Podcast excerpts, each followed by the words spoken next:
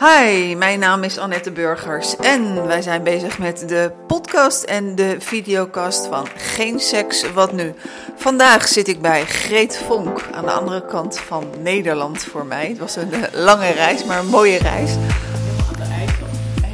Een stukje aan de IJssel. Ja. En eh Greet heeft samen met Anja Jonkind het boek geschreven Posttraumatische Groei. En sterker door ellende. En dat lijkt een beetje tegenstrijdig met het onderwerp van de podcast Geen seks, wat nu? Maar, ik heb het boek gelezen en ik vond het een geweldig boek. Eh, om seks met elkaar te hebben is intimiteit nodig. En wat nou als een van de twee in zijn of haar rugzak, of allebei, dat je allebei een, een waanzinnig trauma of een klein trauma hebt zitten. Hoe ga je er dan met elkaar mee om? Maar eerst, welkom in deze serie, Geet. Dankjewel. Nou, ik ben er heel graag. Ja, nou ja, wij hebben als missie, mijn collega Anja Jonkind en ik, om eh, het, eh, ja, het fenomeen posttraumatische groei sterker door ellende, dat, dat dat bekender wordt dan wat posttraumatische stress eh, is. En ja, mensen eh, hebben daar zoveel aan. Dus vandaar dat wij dat als missie hebben. Dus overal, nou niet overal, maar als we uitgenodigd worden en we zien een mooie link, dan, eh, dan doen we graag mee. Nou, hartstikke mooi. Je hebt gelijk eh, antwoord gegeven op mijn eerste ongestelde vraag. Wat, wat, wat is je missie? Dus dat komt hartstikke goed uit. Op zoek naar de liefde. Heb jij de liefde gevonden in je leven, Geet? Ja, zeker wel. Ja, ja alhoewel, ja, wat is liefde precies, hè? Maar ehm, ik ben getrouwd met mijn echtgenoot Wouter. En wij zijn dit jaar 35 jaar getrouwd. Dus eh, daar zit heel veel liefde onder. En eh, ja, ik denk dat je eh, geen relatie vindt waar ze nu dan wel wat aan de hand is. En dat wij hebben ook wel echt wel moeilijke periodes gehad. Maar de liefde heeft het overwonnen, zeggen we dan. En dat is ook zo. Wauw, kan jij je nog herinneren hoe dat 35 jaar geleden was toen jullie elkaar ontmoetten? Wat, wat, wat was er voor, een, voor iets wat, je in hem aant wat jullie tot elkaar aantrokken? Oh, ik weet het nog precies. nou, en wat ik, wat, eh, wat ik heel mooi vond aan mijn echtgenoot. eh, wij kwamen elkaar tegen op een feest van eh, de studie, waar we allebei. Hij zat in een eh, jaar hoger dan ik, dus ik was hem niet zo vaak nog tegengekomen. Maar we kwamen daar elkaar tegen op een feest. En, eh, en dat, dat, nou, dat klikte gelijk. Maar hij bleek, bleek een, eh, een relatie te hebben. En toen wij daarna dus naar buiten gingen en ik dacht, nou, nou gaat het gebeuren. toen zei hij, ik heb een vriendin. En het was en heel vervelend en heel fijn, want ik vond het zo plezierig dat hij zo eerlijk was. Nou, dat... eh, en uiteindelijk eh, ja, kwamen we elkaar vaker tegen. Toen heeft hij het uitgemaakt. En toen kwam hij op een maandagochtend op de studie en zei... eh, ik heb mijn relatie uitgemaakt. Nou, zo ging het. Wauw. En, en wat vond je, als we het hebben over aantrekkingskracht, hè, behalve zijn eerlijkheid, wat, wat, wat, sprak je, wat, wat sprak jou aan over zijn verschijning? Je bedoelt de fysieke Ja. kant? De fysieke kant? Ehm, ja, hij was gewoon mooi lang. Donker haar. Ehm, eh, ja, mooi van postuur. Eh, hij stond ook mooi rechtop. Nou, eh, ja. Hij zag er mooi uit. ja. Ja, nee, eh, bij deze serie hoort ook een onderzoek. En eh, een van de vragen is ook van, wat spreek je het meeste aan? Eh, lengte, dat kan zeker iets zijn waardoor je aangetrokken wordt. Een ander vindt het weer veel belangrijker om op billen te letten. Of zo hebben we allemaal onze fysieke voorkeuren. Maar wel heel mooi dat, dat je dat nog echt zo voor, de, voor ogen hebt. En andersom, weet je wat hij zo aantrekkelijk vond aan jou? Ehm, hij, nou, hij vond het, eh, ja, nou, dat- ja, dat is een heleboel, heleboel dingen heeft hij wel later verteld. Maar ik was gewoon heel spontaan. En, eh, en, hij, en nou ja, wat, wat er gebeurde, we hadden een soort van feestje waarbij we ook een spel moesten doen. En eh, daar was ik eh, altijd, lukte mij dat. Dus dat vond hij ook wel heel intrigerend. Zo van, ik deed het, dus ook wel, ja, intelligentie zal ook een rol gespeeld hebben. Maar, nou, en humor. Dan ben ik wel heel benieuwd wat voor spel dat was. Want het is niet zo, denk ik, van de tijd van nu, van dat ze met atten bezig zijn of al dat soort dingen. Wat voor spelletje was dat? Nou, we hadden toen van de opleiding hadden we een, eh, een bijeenkomst s'avonds. En, ehm, en dat, was, dat, dat had altijd thema's. Elke, een paar keer per jaar hadden ze een feest en ze hadden een thema. En dit keer ging het over uh, casino. Dus wij speelden 21 blackjack. Ja. en dan moet je dus en slim zijn en handig en ze nu dan gokken. En ik deed het steeds goed. nou, dat. nou, hartstikke leuk.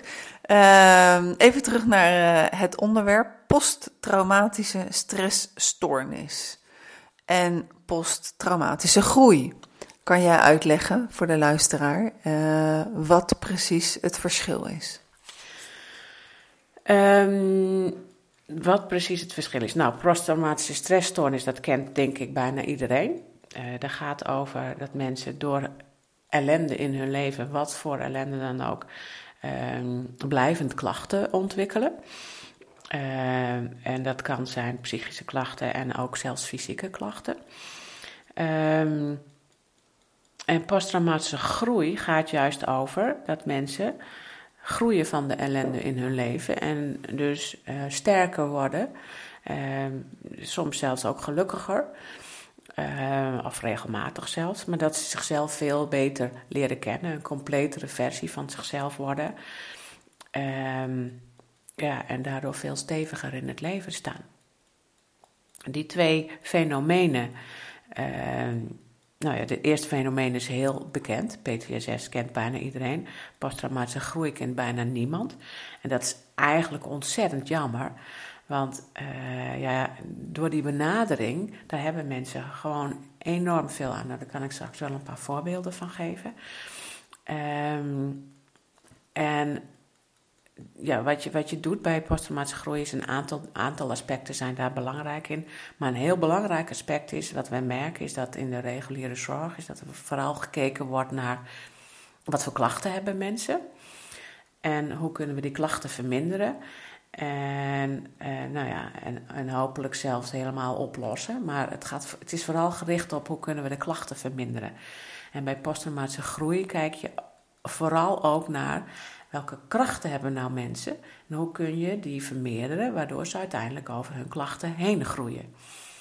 Um, nou, dat is een, een belangrijk uh, aspect van uh, posttraumatische groei. Nou, mensen denken dan wel eens dat dat een happy de peppy verhaal is. Hè? Zo van nou, de groeien van de ellende in je leven. Um, dat, en, en, dat is het niet. Het is geen happy de peppy de verhaal, want het is gewoon een pittig proces en dat blijft het ook. Hè? Dus we zeggen ook altijd ellende is ellende en dan blijft het ook. Maar je kunt er wel uiteindelijk uh, sterker uitkomen. Nou, dat proces is niet fijn en dat wordt het ook niet, nooit niet. Maar als je er sterker uitkomt, dan kijk je wel heel anders terug op die ellende. En dan wordt het, uh, wat wij dan zeggen, voltooid verleden tijd. En dan is het een herinnering geworden. En dan is het niet meer uh, emotioneel beladen. Nou, dat is een heel, een heel groot. Die benadering is zo anders.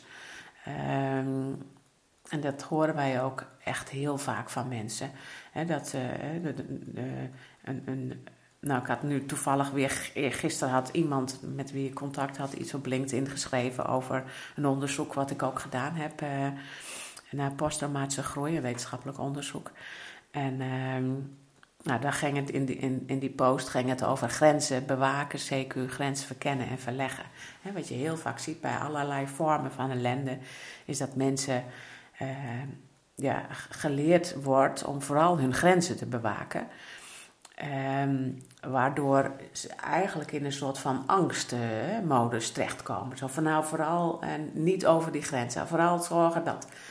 Terwijl als je grenzen gaat verkennen en, daardoor verleggen, dan kom je in een soort van nieuwsgierigheidsmodus terecht. En dat is natuurlijk, ja, dat, dat voel je wel. Het is een heel andere ja, energie eigenlijk.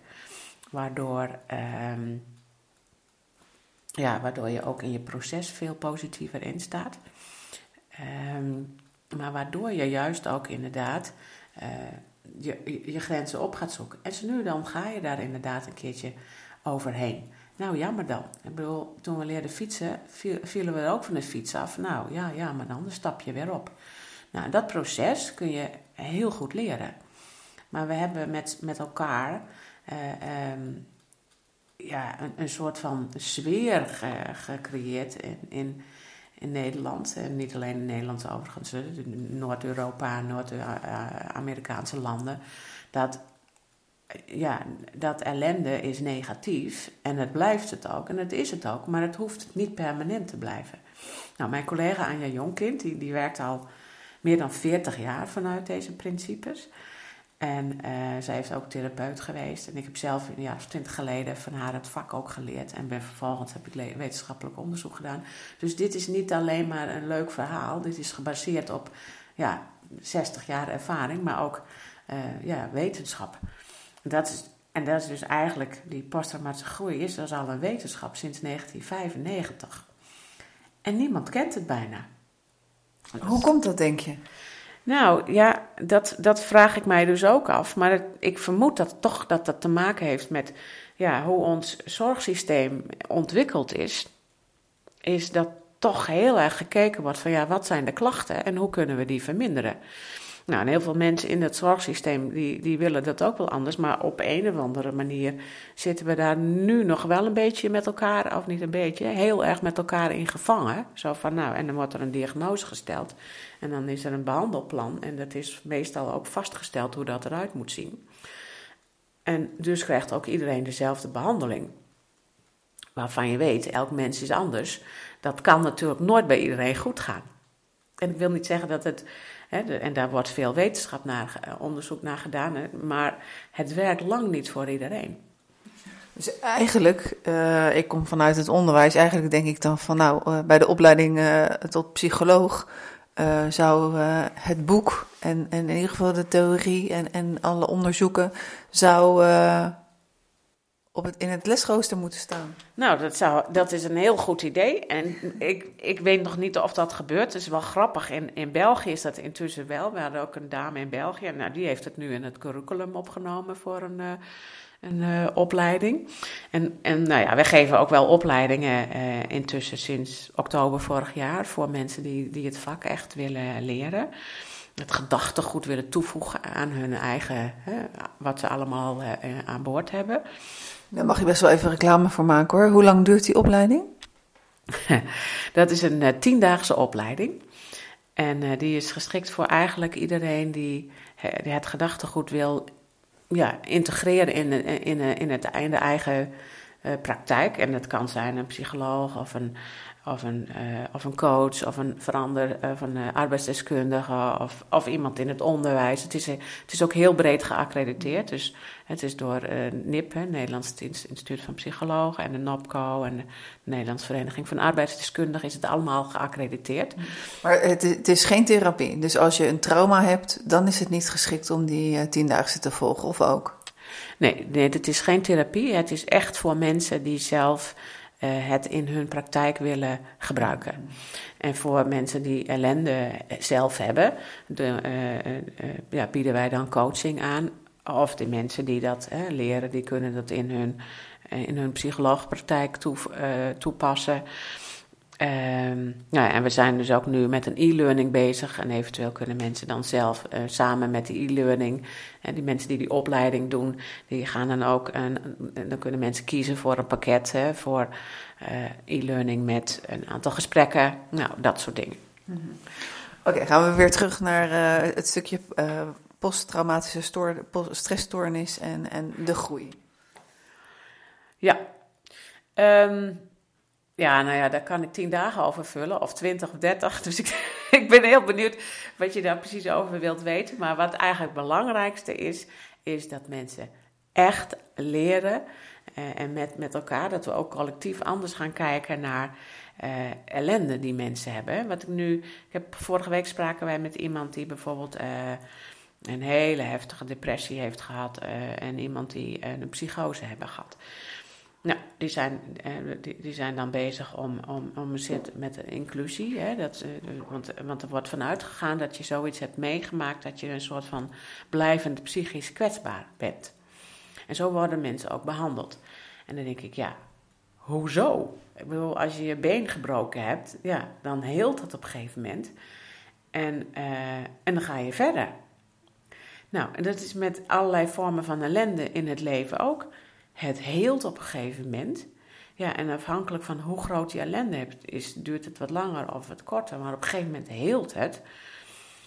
En dan, uh, ja, dan kun je verder met je leven. En, in de meest, en, en je kunt daar dus echt sterker uitkomen. Nou, daar gaat het over bij posttraumatische groei. Dus simpelweg om daar op een andere manier naar te kijken, maakt al een heel groot verschil. Mhm. Oké, ik, ik dacht, ik neem een casus mee. Oké. Eh, en uh, kijken of we dan inderdaad, hè, dit is een, uh, een casus van een, een meneer die te maken heeft met contactverlies mhm. met zijn kinderen. En, um, en uiteindelijk heeft dat invloed op, op alle gebieden in zijn leven, zoals zijn werk met burn-out-achtige verschijnselen, op zijn relatie die hij heeft. Um, maar het, het, het, het, eerste stukje, um, en dat is wel um, waar ik, ik, wel mee te maken heb, wat niet mijn expertise is. Uh, dus dat zijn ook mensen die ik graag doorverwijs. Uh, als je te maken krijgt met het trauma dat je kind je niet meer wil zien. Mm -hmm. En uh, wat ik dan zie, want ik, ik, ik, ken het niet uit eigen ervaring, maar dat gaat door merg en been. En mensen willen ervoor blijven vechten en die willen het contact. Maar dan zit er aan de andere kant een andere ouder die om zijn of haar uh, moverende redenen het contact uh, in ieder geval niet helpt. Mm. Hè, dat dat contact tot stand komt. Um, in feite is dat een, een, zeer, voor mij, tenminste met mijn lekenverstand over trauma's, uh, is dat een trauma? Dat je je kind wil zien en, en dat je kind zegt van nou, ik wil je niet zien. Uh, als iemand zo zich, zo'n uh, iemand zich bij jou meldt, wat is dan de route die doorlopen wordt? En, en hoe leert iemand dan uiteindelijk kijken naar zichzelf? Hoe kan je hoe kan je, je kind loslaten? loslaten tussen aanhalingstekens. werken aan jezelf en daar ehm, van die ellende um, daar dan toch nog sterker van worden? Ja. Dat is een hele lange vraag, maar je hebt tegelijkertijd tijd gekregen om daar even over na te denken. Dus stel, uh, deze meneer belt je op. Ja, nou, de, en dan, en dan uh, heb ik een heel simpel antwoord. Daar is dus geen vaste route voor. En dat is ook het hele mooie aan, aan dit gedachtegoed. Er is, hè, het, er is geen protocol. Er is er niet. Wat eigenlijk uh, belangrijk is, ja, als, je, als er een protocol zou zijn, dan heet het aandacht en belangstelling. Diepgaande aandacht en belangstelling. Dus ik kan je daar geen antwoord op geven op die vraag, omdat het heel individueel is. Dus je kunt nooit, hè, als je kijkt naar de krachten van mensen, als je kijkt naar de situatie van mensen, dan, hè, dus, je kijkt dus je gaat heel erg in op de individuele situatie en de individuele mens. En, daar, uh, en, en, dan ga je in gesprek. Mm-hmm. en, en in die zin is het dus ook geen, hè, het is geen methode, in, het is veel meer leren om op een bepaalde manier, hè, dus de mensen die het leren of uh, in, in de begeleiding. Uh, ja, dat je eh, genoeg uh, achtergrondkennis hebt hoe je dat dan het beste kunt doen. Hè? Hoe je die aansluiting kan vinden, welke, uh, welke gespreksonderwerpen belangrijk zijn. Nou, dat kan ik je wel vertellen. Uh, ja, heel graag. en, en, en, dat weten we ook uit wetenschap, maar dat weten we ook uit de praktijk. Er zijn wel, er is dus geen vaste route, is er niet. Er zijn wel een aantal onderwerpen die eigenlijk altijd in bepaalde, uh, ook niet vaste volgorde, uh, maar die wel altijd aan de orde komen. En één daarvan is um, dat, um, dat je mensen leert wat ellende doet met jezelf. Hè. Dat, heel vaak hebben mensen dat totaal niet in de gaten, wat, wat voor invloed ellende nou eigenlijk heeft op, op alles. Hè. Dat heeft zoveel invloed op je, op je systeem. je, je, ja, nou, emotionele je raakt emotioneel instabiel, maar ook mentaal instabiel. Letterlijk bepaalde organen of bepaalde onderdelen van je hoofd in je, in je, in je hersenen worden letterlijk kleiner. dus daarom zie je bijvoorbeeld ook dat mensen op een gegeven moment geen boek meer kunnen lezen. concentratiestoornissen krijgen. Nou, ehm, ook fysiek gezien, hè, dat, dat kan ook op je organen slaan, dat mensen gewoon niet meer eten, je conditie gaat achteruit, nou dat soort dingen. Dus belangrijk om dat aan mensen uit te leggen, dat ze snappen wat, wat het effect is. Hè. Ik, ik, sprak kort geleden nog weer iemand die nou, die, die had dat dus meegemaakt. Die had een enorme depressie en, en, en, en, en ook burn-out-achtige verschijnselen. Nou, die kon op een gegeven moment gewoon, had die concentratiestoornis en, en boeken lezen, kon ze gewoon niet meer, terwijl ze dat graag deed. Nou, die maakte zich daar geweldig veel zorgen over. Nou, door simpelweg uit te leggen dat dat normaal onderdeel van het proces is, geeft mensen al veel meer rust. Dus dat mensen snappen wat het met hun doet, maakt veel uit. Ja, dus dan uh, de herkenning en vooral daardoor de erkenning van dit is, hè, dus een stukje kennis aandragen. Ja, kennis over wat ellende met je doet. Hè? De psychologische achtergrond en de fysieke achtergronden, mentaal. Nou, dat, dat is een, belangrijk onderdeel. Dat geeft mensen uh, ook een soort van rust. Hè? Want uh, uiteindelijk, als je nou in ellende komt, mensen hebben heel vaak de neiging om, om te gaan vechten, om zo snel mogelijk weer uh, eruit. eruit. te komen. En dat is oké, want dat is logisch. En tegelijkertijd is het ook belangrijk om in een soort van overgave te, te komen. Dat mensen, dat, uh, dat mensen zich overgeven aan, aan hun ellende. Want dat is nou een keer ellende. Als je iets heftigs meemaakt, zoals in jouw casus, ja, dat is natuurlijk verschrikkelijk. Ja, dus zeg je dan ook met andere woorden uh, je lot aanvaarden? Ja, zo zou je het kunnen zeggen ja, en een lot klinkt dan altijd wel weer heftig, maar ja, overgave aan, aan ja, en de situatie wat er is. Ja. Nou, dat is, dat is dus, um, ja, dus kennisoverdracht, hè, simpelweg dat mensen snappen wat ellende met hen doet, maakt al een groot verschil. Ander onderwerp wat heel belangrijk is, is dat, dat je mensen leert met hun emoties om te gaan. En dat is iets wat, um, wat we vaak merken, dat dat niet gebeurt. Of dat veel te weinig gebeurt. Ja, dat leer je natuurlijk ook helemaal nergens. Hoe ga je met je emoties om? Ja. Er is geen, uh, dat, je krijgt niet het vak op school. Uh, dus uh, je ziet een voorbeeld thuis of je, je doet maar wat. Dus dat is, eh, ik, gelukkig hebben jullie daar een heel hoofdstuk aan besteed. Maar ga door graag. Ja, nou ja, dat, weet je, we, leven met elkaar in een soort van collectieve angst en, en, en emoties die uh, je slecht voelen. Dat mag kennelijk niet meer, waardoor het ook heel negatief beladen is. Maar ja, het is nou een keer onderdeel van het leven.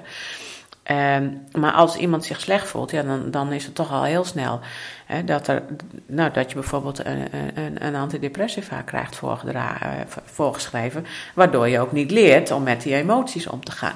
Nou, dat is iets wat in, in dit soort trajecten heel belangrijk is. Dat, dat doen wij dus ook met mensen kijken, dus weer die aandacht en belangstelling. Wat is nou voor jou een manier die bij jou past om, om dat te leren, om daarmee om te gaan. En dat is natuurlijk, dat is ook heel moeilijk, omdat ja, inderdaad, heel veel mensen hebben dat gewoon nooit geleerd. En, en dan word je dus eigenlijk gedwongen om de pijn te voelen. Ja, en als je heel heftige dingen hebt meegemaakt, of gedwongen, maar het klinkt een beetje raar, maar ja, dat is. Um, ja, dan word je geleerd om de pijn te voelen, stapje bij stapje. En um, ja, en die dan te leren verteren. We hebben in ons boek uh, vergelijken we het met uh, voedsel. Hè? Je moet emoties net als uh, voedsel verteren. Als jij voedsel tot je neemt en dat verteert niet in jouw systeem, nou dan, dan verstopt de hele handel en op een gegeven moment word je er ook echt ziek van. Nou, met emoties is dat dus precies hetzelfde. En emoties kun je, dus net als voedsel, ook verteren. En wat is dat dan verteren? Nou, dat je ze er inderdaad laat zijn.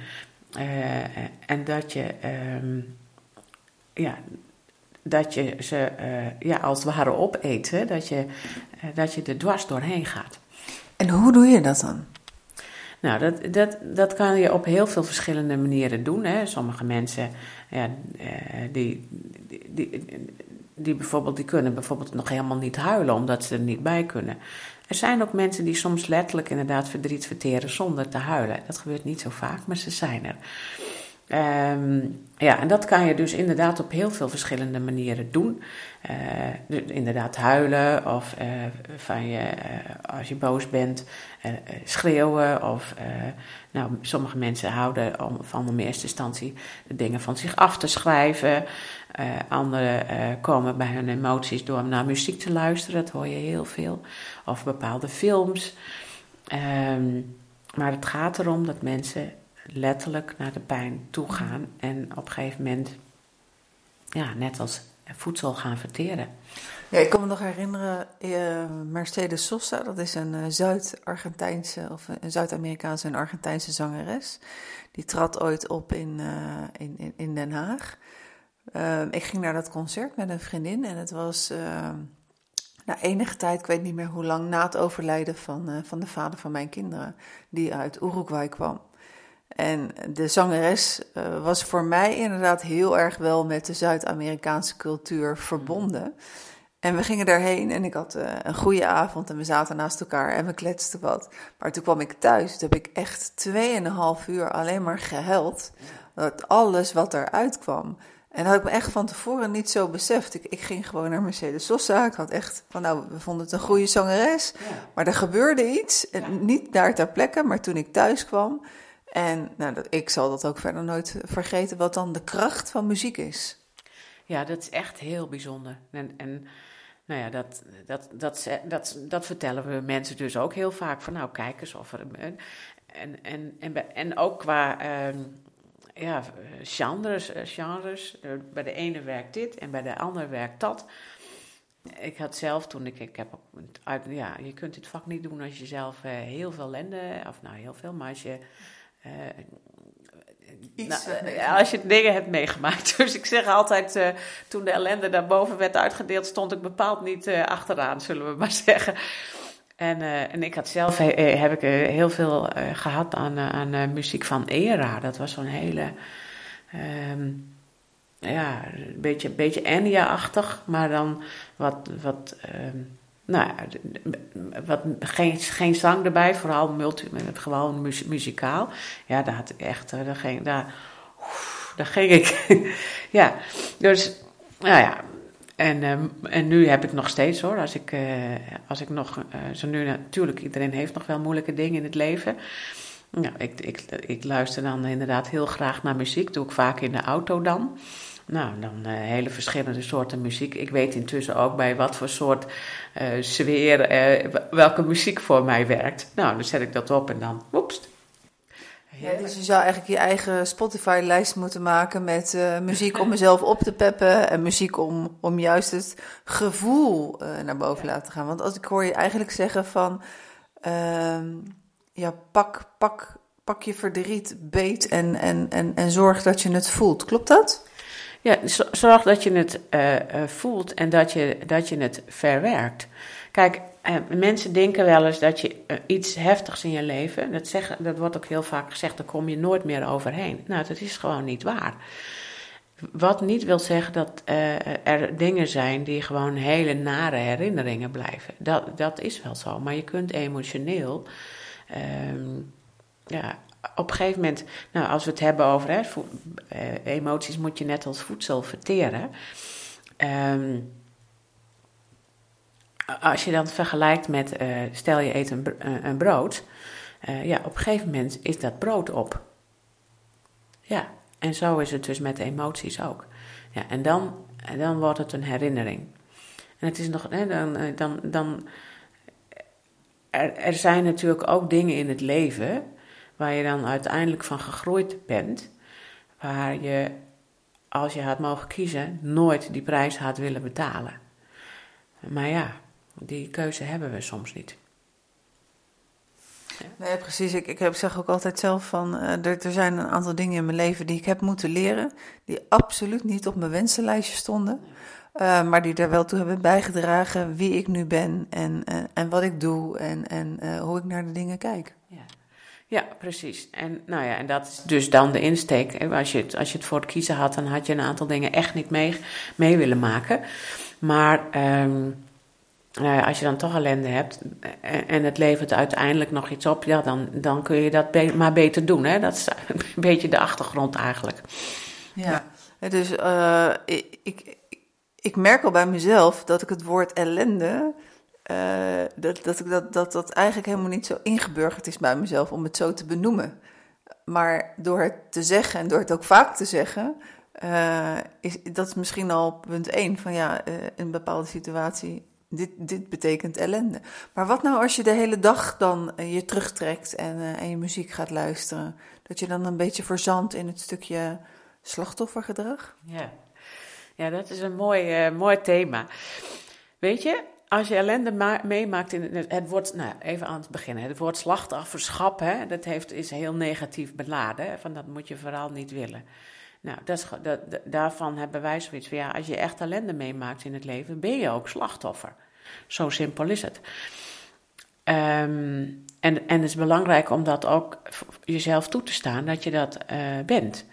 Alleen, uh, ja, je hoeft er niet in, in, in te gaan wonen. En, en, ja, want dan geef je eigenlijk de regie in, in, het leven die je altijd hebt. Ook al in de diepste ellende kun je altijd weer regie vinden. Als je in de slachtofferrol blijft hangen, ja, dan geef je de regie ook weg.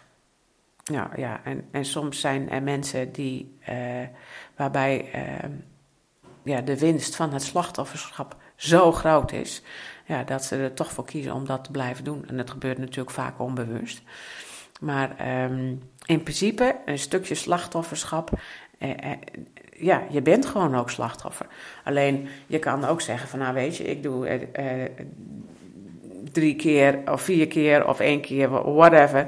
Een, een, kwartier per dag voel je zielig. En daarna heb je zoiets van: nou oké, ik, ga, ik ga de dingen doen die, die er ook verder nog zijn. Mm -hmm. Helder, helder. En als we nou teruggaan naar de casus van, die, die ik meenam, hè, van uh, hoe ga je dan om met het, het ik ken deze meneer een beetje, dus het, het, het gemis van je bent ergens en toch zit er elke keer al aan de, aan de is dat confronterend van wij zijn hier nu met, met de kinderen ook van zijn vriendin, en, maar zijn kinderen zijn er niet bij. Ehm, het komt steeds ongevraagd, komt het bij hem binnenzeilen. Hoe, hoe leer je daar dan mee om te gaan? Ja, nou, dus, ja nogmaals, eh, dat, omdat ik die meneer niet ken, is dat gewoon heel, heel lastig om daar een antwoord op te geven. Dus dan, ja, dan kijk je. Maar wat belangrijk is, is uh, ja, vooral in dit geval, uh, ja, welke, welke krachten heeft die meneer? Um, en daar de, ook de schijnwerper op te zetten. Um, en naast die, die, die, dingen die ik al heb aangegeven, hè, wat, wat belangrijk is. Um, en um, ja, en dit zijn wel eh, inderdaad hele moeilijke onderwerpen. Van, want ja, hoe doe je dat? Nou, kijk, uiteindelijk, eh, de, de emoties. Um, wat belangrijk is, is dat zo iemand dan hè, de, de emoties die er nu zijn leert hanteren. Maar dat hij ook tools krijgt om elke keer dat weer opnieuw te doen. Zodat het hanteerbaar is. En hè, dat uh, emoties niet hem hanteren, maar dat hij zijn emoties hanteert. Snap je wat ik daarmee bedoel? Dat is een heel belangrijk verschil. Ja, zeker. En hij, hij is natuurlijk ook niet zijn verdriet. Uh, hij is soms verdrietig. Exact, dat is het. En dat, ik denk in dit soort situaties is dat uh, heel belangrijk dat iemand uh, ja, ja, zijn emoties leert hanteren, zodat hij op het moment dat dat op, dan, dan komt het bij, met golven komt dat weer op, maar dat je het ook als zodanig uh, kunt benoemen en kunt zien. Ja. ik, ik zit het even te zoeken, want jullie hadden ergens een, een heel mooi uh, een mooie uitdrukking ook, of, of een mooie kreet van een psychologisch kapitaal of zo. Kan je daar iets over vertellen? Ja, daar kan ik iets over vertellen. Ja, um, nou, dat is een stukje uit mijn, uit mijn, uh, uit mijn onderzoek. Ik heb uh, zelf onderzoek gedaan naar mensen die uh, een burn-out gehad hebben. Nou, nou is dat een containerbegrip voor heel veel vormen van ellende. Um, en, en dus soms denken mensen dan dat het boek ook alleen maar over burn-out gaat. Nou, dat is het zeker niet, want wij in onze praktijk, nou ja, van elke vorm van ellende is eigenlijk wel langsgekomen. Elke vorm, ook meer, meerdere keren. Ehm, nou, ja, tientallen keren denk ik, elke vorm. Want we hebben al 60 jaar ervaring samen, dus dan komen er heel veel mensen langs. Um, goed, ik heb dus onderzoek gedaan naar burn-out, omdat ja, op dat moment, dat was volksziekte nummer 1. Dus ik denk, nou dan heb ik een grote doelgroep en dat is handig. En um, als je onderzoek doet, dan moet je altijd aansluiten bij bestaande kennis. En wat ik gedaan heb, is gekeken van nou, als mensen groeien van, van, eh, van hun ellende in hun leven, wat levert dat dan op in, in termen van uh, werk? En een behoorlijk bekend begrip is, wat nu, of nou, behoorlijk bekend aan het worden is, is het fenomeen uh, psychologisch kapitaal. En psychologisch kapitaal mm, staat ook, ook wel bekend als PsyCap. En dat is eigenlijk, het zijn eigenlijk vier begrippen: hoop, uh, of eigenschappen, mogelijkheden van mensen: hoop, veerkracht, zelfvertrouwen en. Uh, ja. Ik ga even meezoeken. Ik kon het net ook al niet vinden. Wat eruit. Zelfvertrouwen. optimisme. Optimisme. Ja, nou, en dat zijn vier begrippen vier eigenschappen die mensen hebben, of vier mogelijkheden die mensen hebben, waar heel veel onderzoek naar gedaan is. En die, uh, nou, die worden dus, uh, die heb ik in mijn onderzoek ook, alleen hoop niet, maar die andere die heb ik allemaal onderzocht. En dat eh, als mensen posttraumatische groei weten te realiseren, dan worden deze eigenschappen ook groter. Nou, dat is heel interessant, want in, er is heel veel onderzoek gedaan naar psychologisch kapitaal. En dat heeft een heel positief effect op uh, ja, hoe mensen zich voelen in zijn algemeenheid, maar ook in het werk. Uh, de performance in het werk wordt beter. Mensen hebben ook meer arbeidsvreugde daardoor. De houding op het werk wordt beter. Nou, uh, al dat soort begrippen. Nou, er is heel veel onderzoek naar gedaan. Maar wat ik zelf wel heel interessant aan daaraan vind, is dat Um, iets als hoop of zelfvertrouwen of en veerkracht wordt heel vaak gezegd: ja, dat is een, een karaktereigenschap van mensen. Nou, dat is dus niet zo, dat is grote onzin. Eventjes uh, met een uitroepteken onderstrepen, dat is grote onzin. Dat is echt grote onzin. Maar dat weten we dus ook uit wetenschap. Hè? Er is heel veel onderzoek naar gedaan. Um, maar mensen zeggen van ja, ik ben nou een keer optimistisch of pessimistisch van aard. Dat is niet zo. Het zijn mogelijkheden die mensen hebben en die je kunt ontwikkelen. Nou, en een mogelijkheid om dat te ontwikkelen is inderdaad posttraumatische groei te realiseren. Je kunt het op heel veel verschillende manieren ontwikkelen, maar dit is er eentje van. Dus dat is heel fijne bijvangst. Ja, dus het is niet zo dat, uh, dat het een, pas een succes wordt als iemand al optimistisch is en hoopvol gestemd, veerkracht heeft en een hoop zelfvertrouwen. Dat is niet noodzakelijk om hier aan te beginnen. Nou, weet je, ik, ik weet niet of. Jij kent ook veel mensen die ellende hebben. Als je echt diep in de ellende is, dan, dan ben je gewoon helemaal. Dan is er even niks meer. Dan heb je geen zelfvertrouwen, dan heb je geen hoop. Dan, dat allemaal niet. Maar je kunt het wel ontwikkelen. En ik vond het ook een mooi voorbeeld. Je zei net ook wel iets over de fiets. Uh, wat jullie aangeven in je boek van, uh, nou, als je in proces bent, dan hoort het er ook bij om, om eens terug te vallen. Dat is heel menselijk, heel normaal. En dat betekent niet dat je terug moet naar het driewielertje om weer helemaal opnieuw te fietsen. dus je, je, je, stapt gewoon even af en daarna stap je weer op en je, en je fietst verder. Exact, maar dat is dat is ook zoiets van, hè, ook dat leren we mensen. Um, heel vaak worden mensen begeleid in de zin van, nou, we zullen zorgen dat je zonder terugval uh, weer de ouder wordt. Nou, daar, zit, daar zitten twee valikante denkfouten in. Eén is, het zou jammer zijn als je weer de ouder werd, want dan heb je er dus helemaal niks van geleerd. Uh, en ook het risico dat je uh, weer ooit eens in dezelfde situatie terechtkomt dus. Dat is één. En twee, een dergelijk proces, bij welke vorm van ellende dan ook, uh, kun je niet doen zonder terugvallen. Sterker nog, uh, we hebben in ons boek ook een plaatje opgenomen, waarin eigenlijk wordt aangegeven dat het proces om weer te groeien, het, dat, dat dat met een, rechte lijn gebeurt, is een onwenselijk proces. Als je, een, uh, dat je dat voorstelt met een, een baan en, en, en er valt een kogeltje naar beneden. Stel dat, uh, dat je met een rechte lijn naar boven bent gegroeid. En je valt dan een keer, dan lig je ook echt beneden. Terwijl als je met wat wij in het boek noemen het sterker door ellende friemeltje bent. Uh, en ik doe het even op de deur. Met, dus, en met zo'n golf en een. En, en, maar wel een, een, een, dalletje zo nu dan. Ja, dan blijft het kogeltje in zo'n balletje, dalletje hangen. En uh, nou, dat is wat ook echt gebeurt. Mm dus, het, ja, dus het is eigenlijk heel belangrijk ook in dit soort processen om mensen te leren dat terugval normaal is. Terwijl nu heel vaak het zoiets is van ja, dat moeten we vooral niet meemaken. Uh, uh, um, waardoor mensen juist in die angstmodus komen. Ja, angst om, uh, om inderdaad weer terug te vallen. Ehm, jullie hebben het ook over fases. En die absoluut niet van 1 naar 2 naar 3 naar 4 naar 5 naar 6 uh, naar 7 gaan, maar die wel allemaal van belang zijn. Hè? En uh, daarin is dan ook wat je net al zei, dat de kennis over de invloed van ellende, dat blijft volgens mij wel fase 1. Nou, dat, dat, nee, dat hoeft niet. Het is een heel belangrijk onderwerp. Maar iets als emoties, hè, hoe je met je emoties omgaan, is ook uh, iets wat vaak in het begin naar voren komt. Nou, je hebt ze daar uh, netjes opgeschreven. ja, dus, uh, ja, dus inderdaad, kennis hè, over de ellende is in.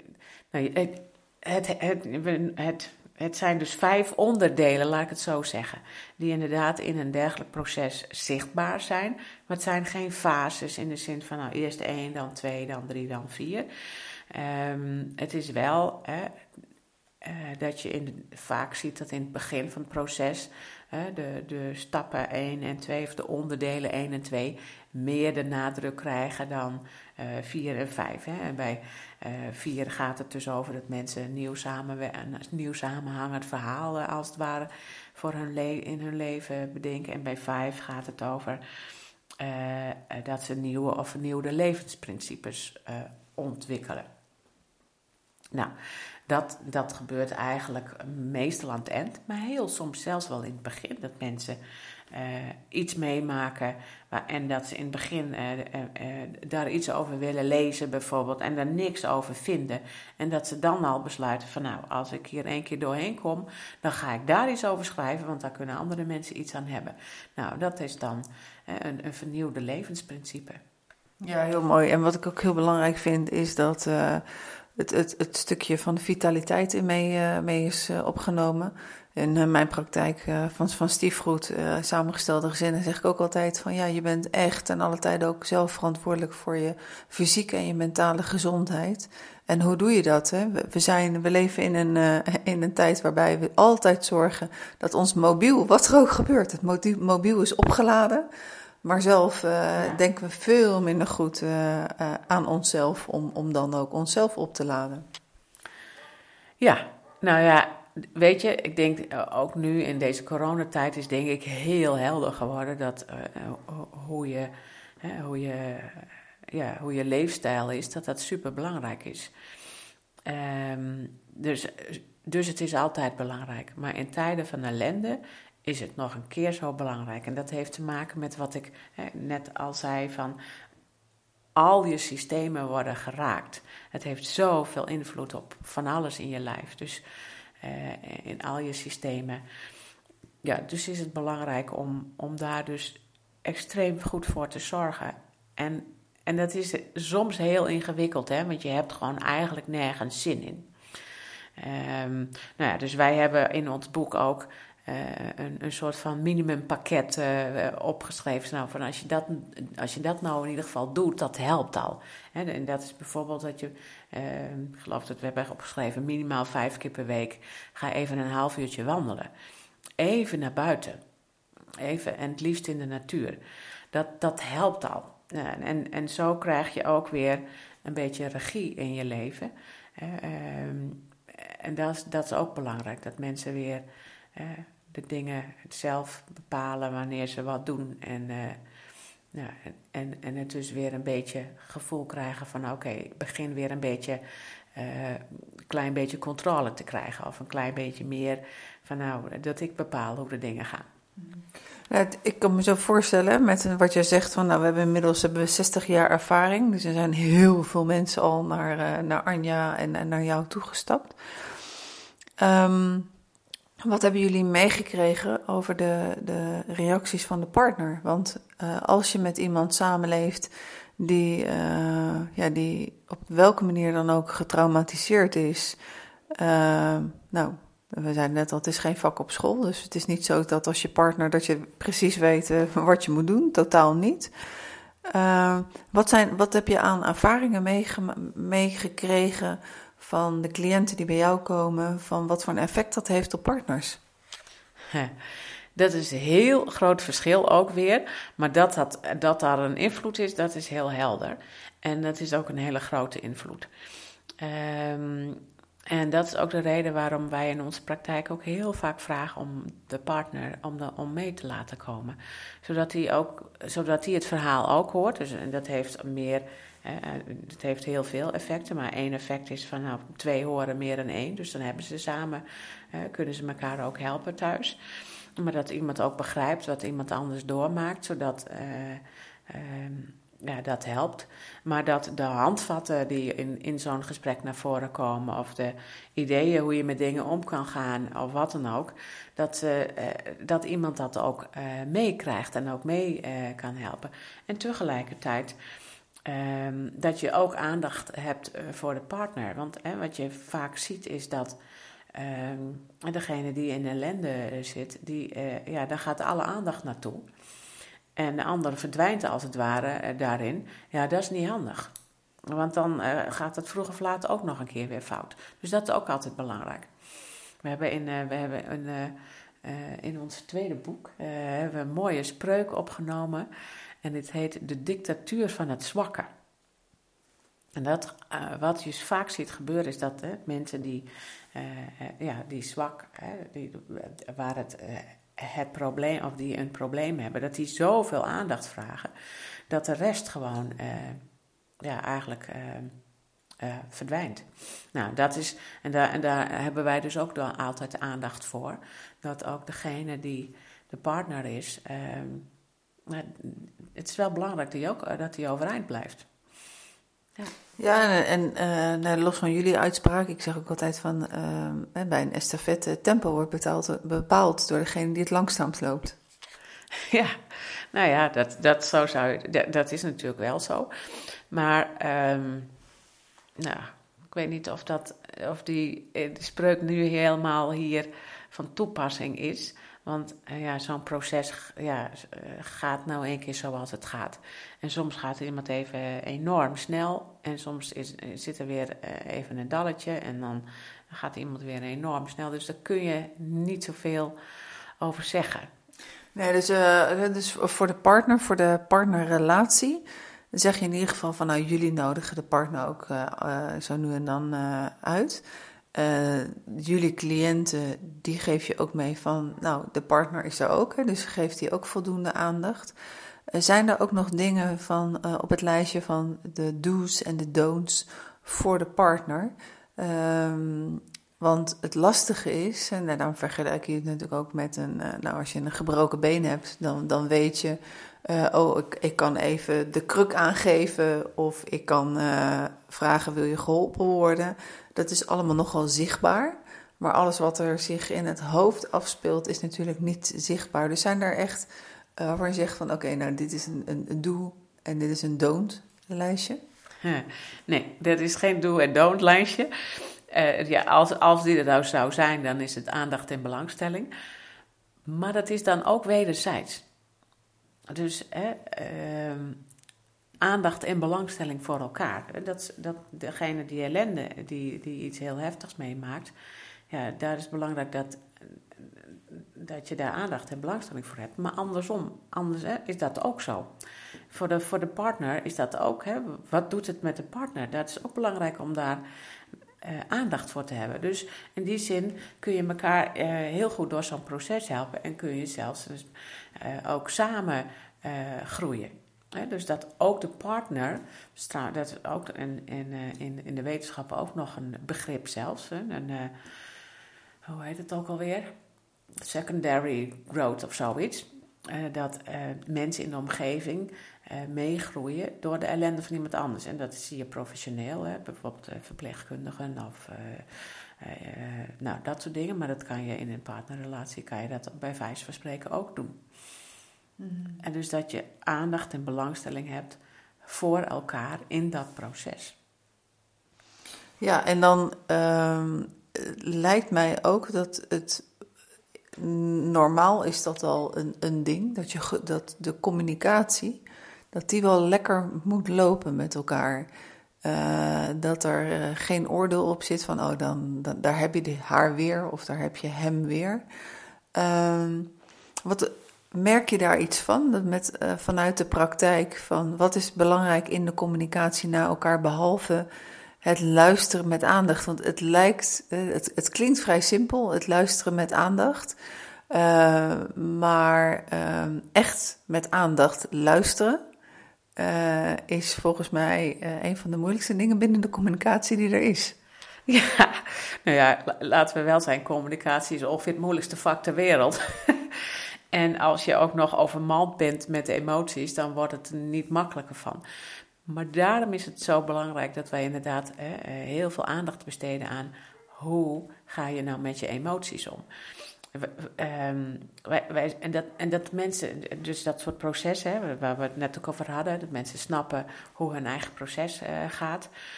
Uh, wij, zeggen soms zelfs letterlijk tegen mensen, als ze echt in een doffe ellende zitten, van ja, eigenlijk ben je nu emotioneel niet toerekeningsvatbaar.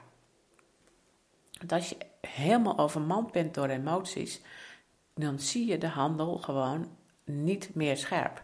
Je, je, je kijkt als het ware, je denkt dat je door een, een, een helder glas naar buiten kijkt, maar het is een gezandstraald glas.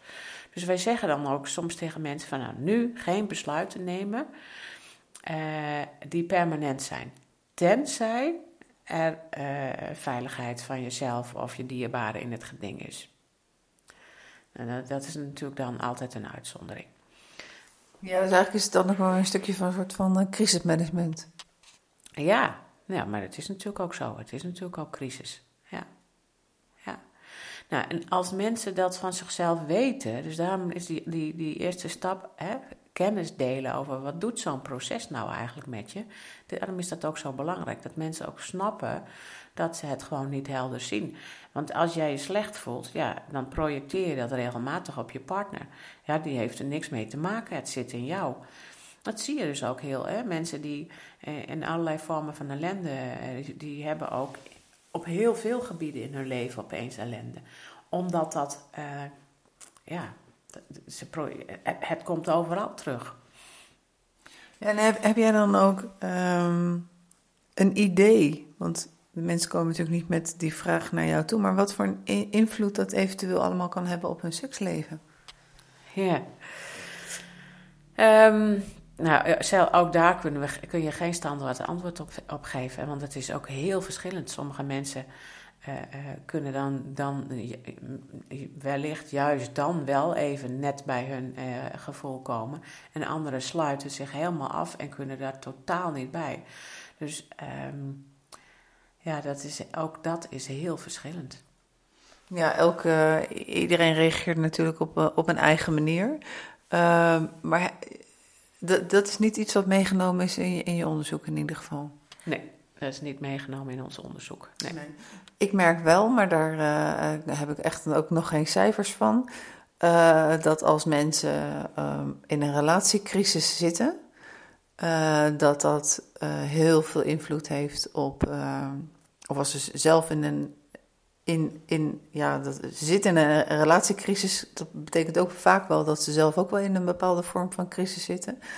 dat het seksleven wel ineens een, een stuk minder verloopt. Herken je dat?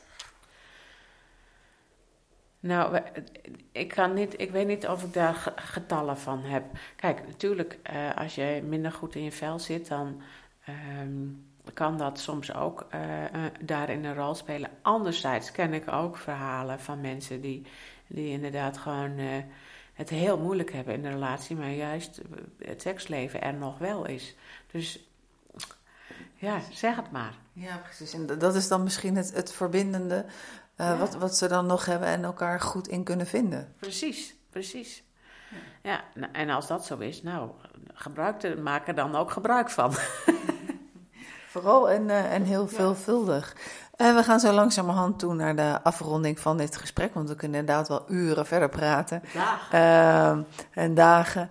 Uh, zijn er onderdelen van, uh, van wat er in het, in het, in het boek staat, hè? Waarvan je zegt van, nou, met, met deze context van geen seks, wat nu, of in de relatie, dit wil ik nog wel even benoemen, waar we nog niet aan toegekomen zijn. Um. Nou, we hebben eigenlijk wel heel veel bij de kop gehad. Kijk, ik denk dat het allerbelangrijkste is, en dat gaf jij net ook aan, dat is best heel uh, moeilijk, maar werkelijk aandacht, belangstelling voor iemand anders hebben. En dan kun je de meest heftige dingen samen overwinnen. En wat dat betreft ben je natuurlijk een, een levend bewijs daarvan. Ja, dat is zo. Daar zijn, maken we het cirkeltje rond, dat klopt. En is dat makkelijk? Nee. Lang niet altijd. Maar kan heel goed. Is het niet zo, ik bedoel, van uh, uh, mijn partner zegt altijd van. Uh, ja, bij de schoenmaker lopen natuurlijk de kinderen op kapotte zolen. En bij de loodgieter lekt het dak. en dat dat zeer zeker als je, als, je, als je werkt als therapeut, of, dat dat een handicap is voor thuis. Om, om dan zeg maar even. Um, als ik thuis uh, um, emotioneel reageer, dan is het uh, snel van, uh, nou, ben jij nou de therapeut? en als ik, als ik heel neutraal reageer, zo van dat ik, nou, dat ik inderdaad wel denk van, nou, laat ik eens zo reageren, dan is het van, ja, ik zit hier niet bij jou op de bank van je yeah. praktijk. Dus soms heb ik het gevoel van, ja, als er stront aan de knikker is, dan kan ik niet snel goed doen. Herken je dat ook of niet? Nou, weet je, uh, wij proberen dat heel goed gescheiden te houden. En, en als, als, als mijn man uh, iets moeilijks heeft in het leven, dan, uh, en hij moet even met iemand praten, dan natuurlijk praten wij dan gewoon, maar dan praat hij ook nog wel even met iemand anders. Dus omdat, omdat als het over jullie samen gaat, ja, dan is dat heel, dan, is dat, dan blijft dat toch wel soms ingewikkeld. Maar goed, um, ja, wij zeggen wel altijd practice what you preach. En jij vroeg net, wat is nog één ding wat belangrijk is? En dat heb ik nu bedacht. Wat uiteindelijk heel belangrijk is, dat je bloed eerlijk bent naar jezelf en naar je eigen emoties. En ook uh, daarover, um, als dat enigszins kan, dat deelt met anderen. Daar, daar gaat het eigenlijk om. Dat je, Want? Als je bloed eerlijk bent naar jezelf um, en ook naar je eigen emoties, dan kun je ze pas verteren. Dan kun je er pas iets mee doen of dan kun je er pas op reageren. En dan. Um, um, kijk, en, en, en, en, er zijn ook mensen die. die voelen hun emoties wel heel goed en die, en die snappen een heleboel dingen. Um, en, en dus die begrijpen heel veel. Maar, maar als jij veel begrijpt, wil het nog niet zeggen dat je alles gaat accepteren. Dus dat je bloed eerlijk bent ook naar je eigen grenzen daarin. En dat je zegt: Oké, okay, um, ik snap het, maar tot hier en niet verder.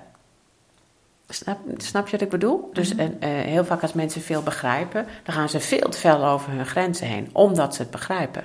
Nou, dus, dus nou, en, ook in die zin bloed eerlijk zijn. Dus als, als je partner uh, door uh, allerlei en van alles op jou afreageert, dan kun je wel zeggen van nou oké, dat accepteer ik nog, maar dat niet.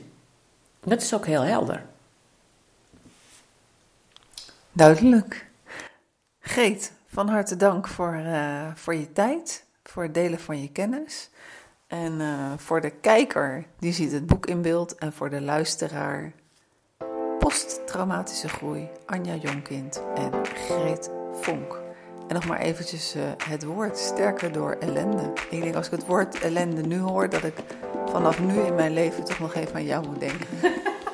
nou, heel, heel graag gedaan. En uh, dankjewel voor het leuke gesprek.